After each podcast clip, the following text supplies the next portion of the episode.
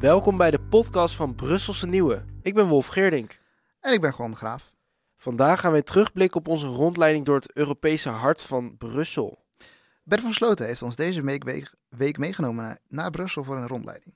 Als er iemand is die weet hoe je politiek verslag doet, is dat Bert van Sloten.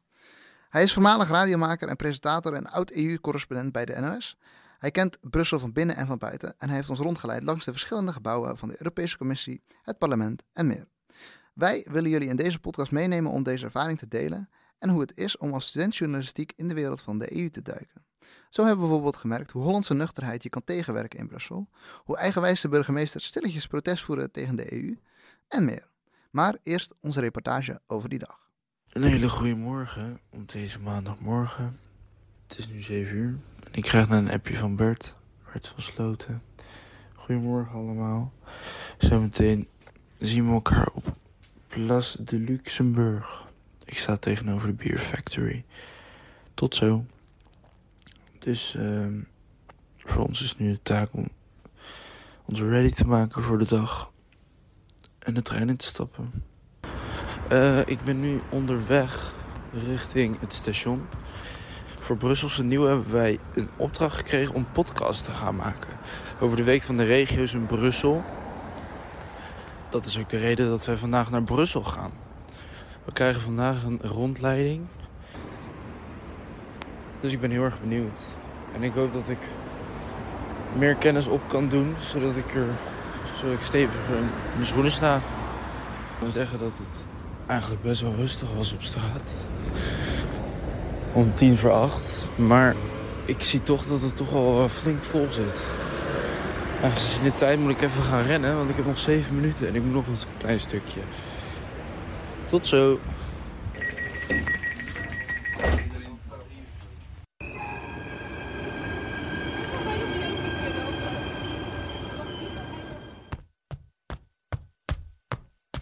Aangekomen in Brussel. Wij moeten 20 minuutjes lopen naar het Europees parlement. parlement. En dan zijn we er en dan krijgen we een rondleiding van Bert van Sloten. We zijn een stukje doorgelopen en hebben net een welverdiende groepsfoto gemaakt. Zoals je die altijd maakt bij ieder schooluitje. Maar Juan, wie is een van jouw favoriete Europarlementariërs? Ja, dat weet ik niet. We hebben het net nog te horen gekregen, maar... uh, nee, ja, de, het charme-offensief van het Europese parlement is niet zo uh, effectief. Uh. Hoeveel denk je dat je er zou kunnen opnoemen?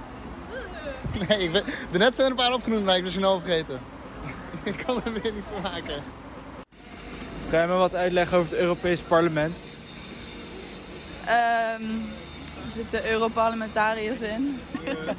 en nog weer? Um, van alle soorten landen. Alle ministeries met elkaar zitten. En wat doen ze? Beslissingen maken. Over? Alle ministeries zitten de EU. hierin. Die hebben allemaal een vertegenwoordiger. Roos. Oh nee. Je ziet heel veel vlaggen, vooral Europese vlaggen. Maar zonder te kijken hoeveel sterren heeft de vlag van Europa. Ik wil 25. 22? 12. Daar komt oma aan. Stil, zeg het. Voor de eenheid, het zijn- er 12, zodat het precies, het is niet aantal landen, maar het staat zeg maar dat het precies in balans is, in de juiste afstand, eenmaal onzin. Dit is uh, Residence Palace. Dus daarboven, daar zit de NOS. En als Kisia, Kisia Hekster in het journaal eh, live doet, dan gaan die deuren open.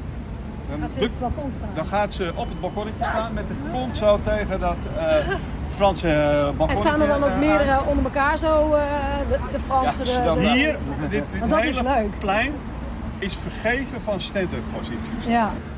Bert, je had het er net over dat Duitsland meer dan 100 correspondenten heeft hier zitten. Ja. En Nederland maar 19. Wat maakt dat? Want nou ja, natuurlijk, Duitsland is een groot land, wat je ze- eh, zelf al zei. Maar is, ligt dat dan aan de, nou ja, hoe, hoe happig de Nederlandse bevolking is op de Europese... Nee, het heeft ermee Eh, te maken dat de Duitsers veel meer belangstelling hebben voor wat eh, er in Europa zich afspeelt. En dus een andere definitie van nieuws misschien wel. eh, Hoe, hoe denk je dat het komt dat Nederlanders bij vergeleken andere Europeanen wat, wat minder feeling hebben bij de Europese eh, politiek? Maar ja, Europese politiek mist natuurlijk ook een hoop. Hè?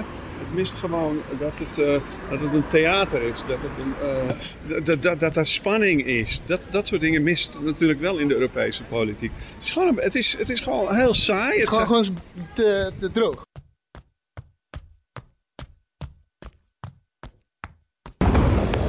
We zijn aangekomen op het Europees Parlement. Julia, hoe vind je het eruit zien?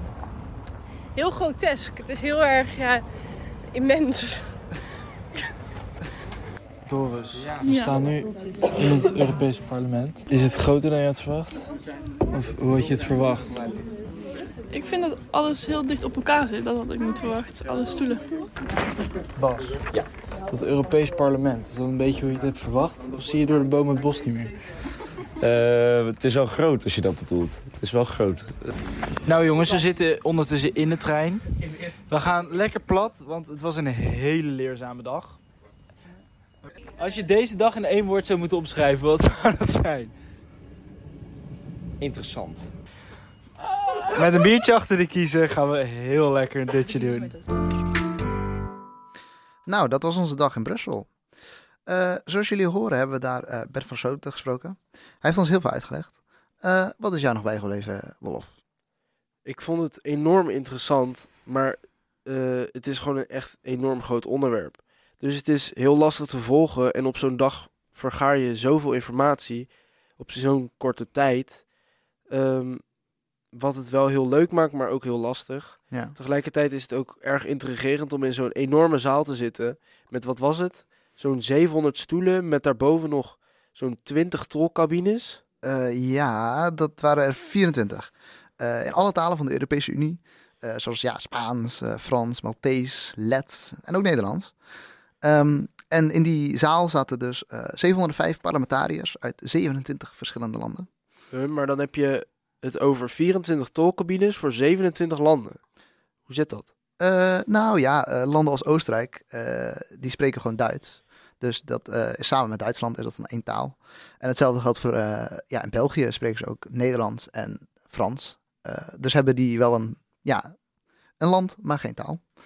Um, en, maar wat ook leuk daaraan is, is dat elke officiële Europese taal heeft een eigen tolk. Die zit dus live in zo'n cabine.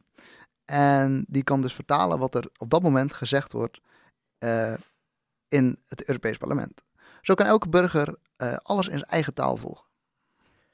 Dat is uh, interessant, wow. Maar culturele verschillen blijken daar ook een rol in te spelen. In het Europees Parlement. Want Hugo de Jonge, op vaak zijn vrolijke, kleurrijke en nette schoenen, kwam in het parlement in Brussel en er zijn meerdere mensen die hem op zijn schoenen hebben gewezen en hier een mening over hebben geuit. Dit was zeker niet altijd even positief. Hoewel in Nederland zien wij deze dingen als een uniek of een origineel iets. Hm. Maar we moeten dus niet ons vergissen in dat dit voor andere culturen niet in het plaatje past. Okay. Maar hoe zit dat eigenlijk met de relatie tussen de Nederlandse en Europese politiek? We zitten hier in een studio met onze medestudent George Spijkers. George Spijkers is ook mee geweest uh, naar Brussel. George, wat viel jij op aan de tour? Dat het uh, enorm groot is daar in uh, Brussel allemaal, heel het complex van de Europese Unie. En wat maakte het dat voor jou dat eruit sprong? Wat eruit sprong? Dat het heel groot en grotesk was. Ja, dat is natuurlijk midden in de stad zijn er, ik weet niet hoeveel gebouwen waar de Europese Unie in gevestigd is en in vergadert. En ook heel mooie architectuur, zoals de Europese uh, Commissie met uh, uh, dat UFO-achtig gebouw. Ja. En wat heb je meegenomen uit Brussel qua informatie? Wat ik meegenomen heb is dat in Nederlandse politiek sommige politici zeggen heel makkelijk van ah dat is fout, want het komt door Brussel. terwijl politici in Nederland hebben daadwerkelijk zelf ook wel enigszins invloed in wat er in Brussel gebeurt. Zo, uh, bijvoorbeeld het uh, Europese parlement heeft geen coalitievorming. Dus iedere stemming uh, is totaal anders elke keer met partijen. Je hebt daar wel fracties van, zeg maar, partijen over heel Europa die ongeveer dezelfde ideo ideologie hebben. Zoals de Christen-Democraten of de Groene Links, zeg maar. Dus als je Nederland, eh, eh, Nederlandse eh, politieke partijen zitten daar ook bij. Dus als je jouw partij vertegenwoordigd is, had die daar ook zelf invloed op kunnen hebben in de stemming. Terwijl als er iets goed gaat in Brussel, dan pakken ze wel gelijk alle shine dat iets goeds gebeurt. Heb je het wel allemaal kunnen volgen en kunnen snappen of was het te veel op deze dag? Het is wel aan de vele kant, absoluut. Heel, het is heel complex natuurlijk, eh, heel, hoe heel eh, Europese eh, wetgeving eh, eh, tot stand komt. Er gaat ook een heel lange periode overheen, af en toe wel maanden of jaren. Oké, dankjewel, Sjors. Ehm, vandaag hebben wij, eh, kon Manouk niet bij ons in de studio zijn. Eh, dus we spraken haar eerder. Zij eh, was fotograaf bij ons, dus eh, luister mee. Manouk, jij bent meegegaan als fotograaf naar Brussel. Vond je het leuk om te doen? Zeker, het is leuk om al die eh, gebouwen te fotograferen. En ja, om al die bijzondere, ja, bijzondere dingen daar in Brussel te kunnen meemaken en te fotograferen. Wat was je insteek om daarheen te gaan? Met welke gedachte dacht je, ik ga hier foto's van maken? Ehm, in eerste instantie was het vooral eh, met de gedachte van we moeten hier artikelen van gaan schrijven. Ik moet alles eh, op beeld hebben wat we verteld krijgen, wat we meemaken. Maar uiteindelijk zitten er ook wel wat dingen tussen. ehm, ja, zoals, die, zoals onder andere die UFO ook van Ursula von der Leyen, die toch wel eh, echt in het oog sprong. Ehm, jij hebt inderdaad een aantal foto's voor ons meegenomen, waaronder inderdaad de UFO van Ursula van der Leyen. Kan jij ons wat vertellen over deze foto? Nou ja, eh, dit is het kantoor van Ursula von der Leyen, die op de Europese Commissie staat, ja, als een soort van UFO-vormig gebouw. En dat is dus haar werkkamer. En ik vond het wel heel bijzonder dat dat dan echt boven haar staat, als het ware boven iedereen eh, die daar werkt.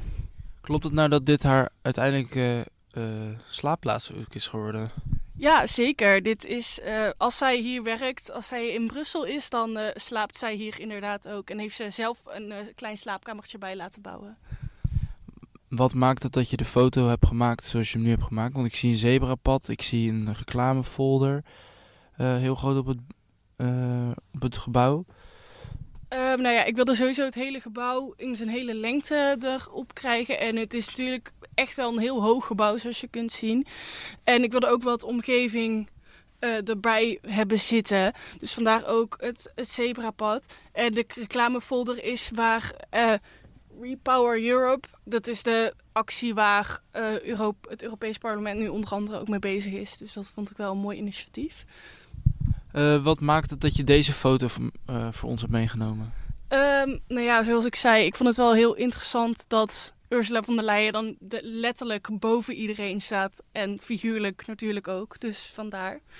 Je had nog een foto meegenomen. Zeker. Dat is... Kan je hier wat over vertellen? Ehm, nou ja, dit is de struisvogel voor het parlement. Dat is een beeld met, eh, ja, van een struisvogel met een hele hoop bomen, planten eromheen. Eh, en een gemeente van Brussel heeft die daar neergezet als soort van tegenactie tegen het Europees Parlement. En ik vond dat wel een hele mooie, grappige actie. Ik zie heel veel bomen en planten inderdaad, wat jij ook benoemt eromheen. Wat maakt het dat, eh, dat we zoveel planten zien? Eh, nou ja, ze wilden dus een soort van tuin, eh, als ik het goed begreep, van, van Bert daarvoor plaatsen. En, een, en het is ooit een dierentuin geweest. Dus eh, vandaar ook de struisvogel, maar ook eh, ze wilden het zo goed, zoveel mogelijk begroeien dat ze dus ook de struisvogel niet zien vanuit het parlement. Want het parlement wilde het natuurlijk niet. Het is een beetje een dubbele betekenis, zo'n struisvogel. Want inderdaad, het is een eh, dierentuin geweest, zoals je zei. Dus nou, daarin zie je wel gewoon van... Ja, struisvogel kan toch geen kwaad. Maar inderdaad, het heeft een dubbele betekenis. En ja... ehm, daarom hebben ze die ook neergezet. Maar waarom, als het Europees Parlement het zo graag niet wil... Waarom staat hij er dan alsnog? Eh, omdat het een andere gemeente is en het Europees Parlement heeft, het eigenlijk, heeft er eigenlijk heel weinig over te zeggen. Eh, het is van een andere gemeente, dus een burgemeester heeft het beslist en een Europe- het Europese Parlement heeft daar helaas niks over te zeggen. Wat maakt het dat, je, dat dit beeld je zo intrigeerde? Eh, ik vond het wel heel interessant omdat het zoveel bebouwing erachter staat en dat echt het groen op de voorgrond staat en dat je toch wel ziet dat dat belangrijk is en dat je ook het beeld van de dierentuin erin terugkrijgt. Nou, top. Dat was denk ik in principe wel eh, waar dit om gaat. Je ziet heel veel groen. Eh, met eigenlijk niet eens een hele duidelijke struisvogel, want het is zo erg begroeid met planten. Ik denk dat dat ook een beetje het doel was uiteindelijk van het Europees Parlement. Um, Manouk, ik wil jou heel erg bedanken. En uh, we gaan door naar de volgende gasten. Ja, heel leuk om te zien uh, dat, uh, dat er ook nog op zo'n kleine schaal iets vanuit Brussel komt. En ja, de, de, symboliek van de struisvogels met een kop in een zand is wel echt heel sprekend. maar goed, Manouk is niet de enige die iets op, opviel. medestudent Soleil Vroom heeft ook haar ogen goed te kost gegeven. Soleil, wat was hetgene dat jou meest opviel? Uh, nou, mij viel op dat um, in Brussel de Nederlandse ambassade werd gebouwd naast die van Hongarije. Terwijl ze samen eigenlijk helemaal niet de beste geschiedenis hebben. Uh, de beste geschiedenis? Uh, kun je dat uitleggen? Jazeker. Als je kijkt met name bijvoorbeeld um, coronafonds, daar was Nederland en Hongarije niet helemaal mee eens. En het migratieplan, daar ze verzetten um, Hongarije zich ook tegen. Oh ja. Dus uh, ja, ze kunnen het, uh, het botert niet altijd tussen die twee. Ja, precies. En uh, daar, dat heeft ook geresulteerd in. maar het heeft ook geresulteerd in dat Mark Rutte iets gezegd had, geloof ik. Ja, Mark Rutte die vond dat het een beetje kinderachtig was van Hongarije. En ja, Hongarije vond dat ook niet helemaal leuk. Ja, ja, dat kan ik me voorstellen, inderdaad. Um, dan is het toch wel bijzonder dat ze zo dicht bij elkaar zijn. Ja, zeker. Um, even kijken, waar hebben ze dan? Weet jij ook wanneer dat uh, dan in uh, gebruik genomen gaat worden? Nou, uh, ze streven naar volgend jaar. of dat realistisch is, weet ik niet. Oh ja. maar ze willen het wel halen voor de week van de regio's. Oh ja, ja, precies. Ja. En dat gebouw, zag het er al leuk uit nu? Of? Ja, nou, nu wordt er volop aan gebouwd, dus zo mooi is het nog niet. Maar ik heb wel een foto gezien hoe het eruit komt te zien. En dat is wel, wel heel mooi, ja. En daarbij was het uh, gebouw ook best wel aan de dure kant. Okay. We moesten uh, raden hoe duur het was. Bert vroeg dat aan ons en iedereen gokte tussen dit 10 en 30 miljoen. Uiteindelijk was het 78 miljoen, dus dat is nog wel wat. Maar als je dat vergelijkt met bijvoorbeeld in Nederland, dan is dat nog best wel goedkoop. Oké. Okay. Ja. Nou ja, laten we hopen dat we dan uh, goed rendement uit krijgen ook. En niet te veel ru ruzie met onze buren. Nee, inderdaad. Dankjewel, Soleil. Um, Alsjeblieft. Dan was dit onze dag en hoe wij het ervaren hebben. komende weken gaan wij nog meer podcasts maken over de problemen in de regio en in de EU. We gaan nog langs in Limburg om de naschokken van de mijnbouw te bezoeken. In Gelderland gaan we kijken wat de wolven allemaal uitvreten. We gaan kijken hoe de circulaire economie in Friesland in elkaar zit. En welke rol Brussel speelt in deze dossiers. Hou de website van de Brusselse Nieuwe dus goed in de gaten. Dit was de podcast van de Brusselse Nieuwe. Als student door het Europees Parlement. Door Wolf Geerdink en Gwan de Graaf. Dank aan Short Spijkers, Manouk Smulders en Soleil Vroom. En natuurlijk bedankt Bert van Sloten voor de rondleiding. Regie werd gedaan door Bartie als mijn kant en techniek door Gerbe Schouw. Hartelijk dank voor het luisteren.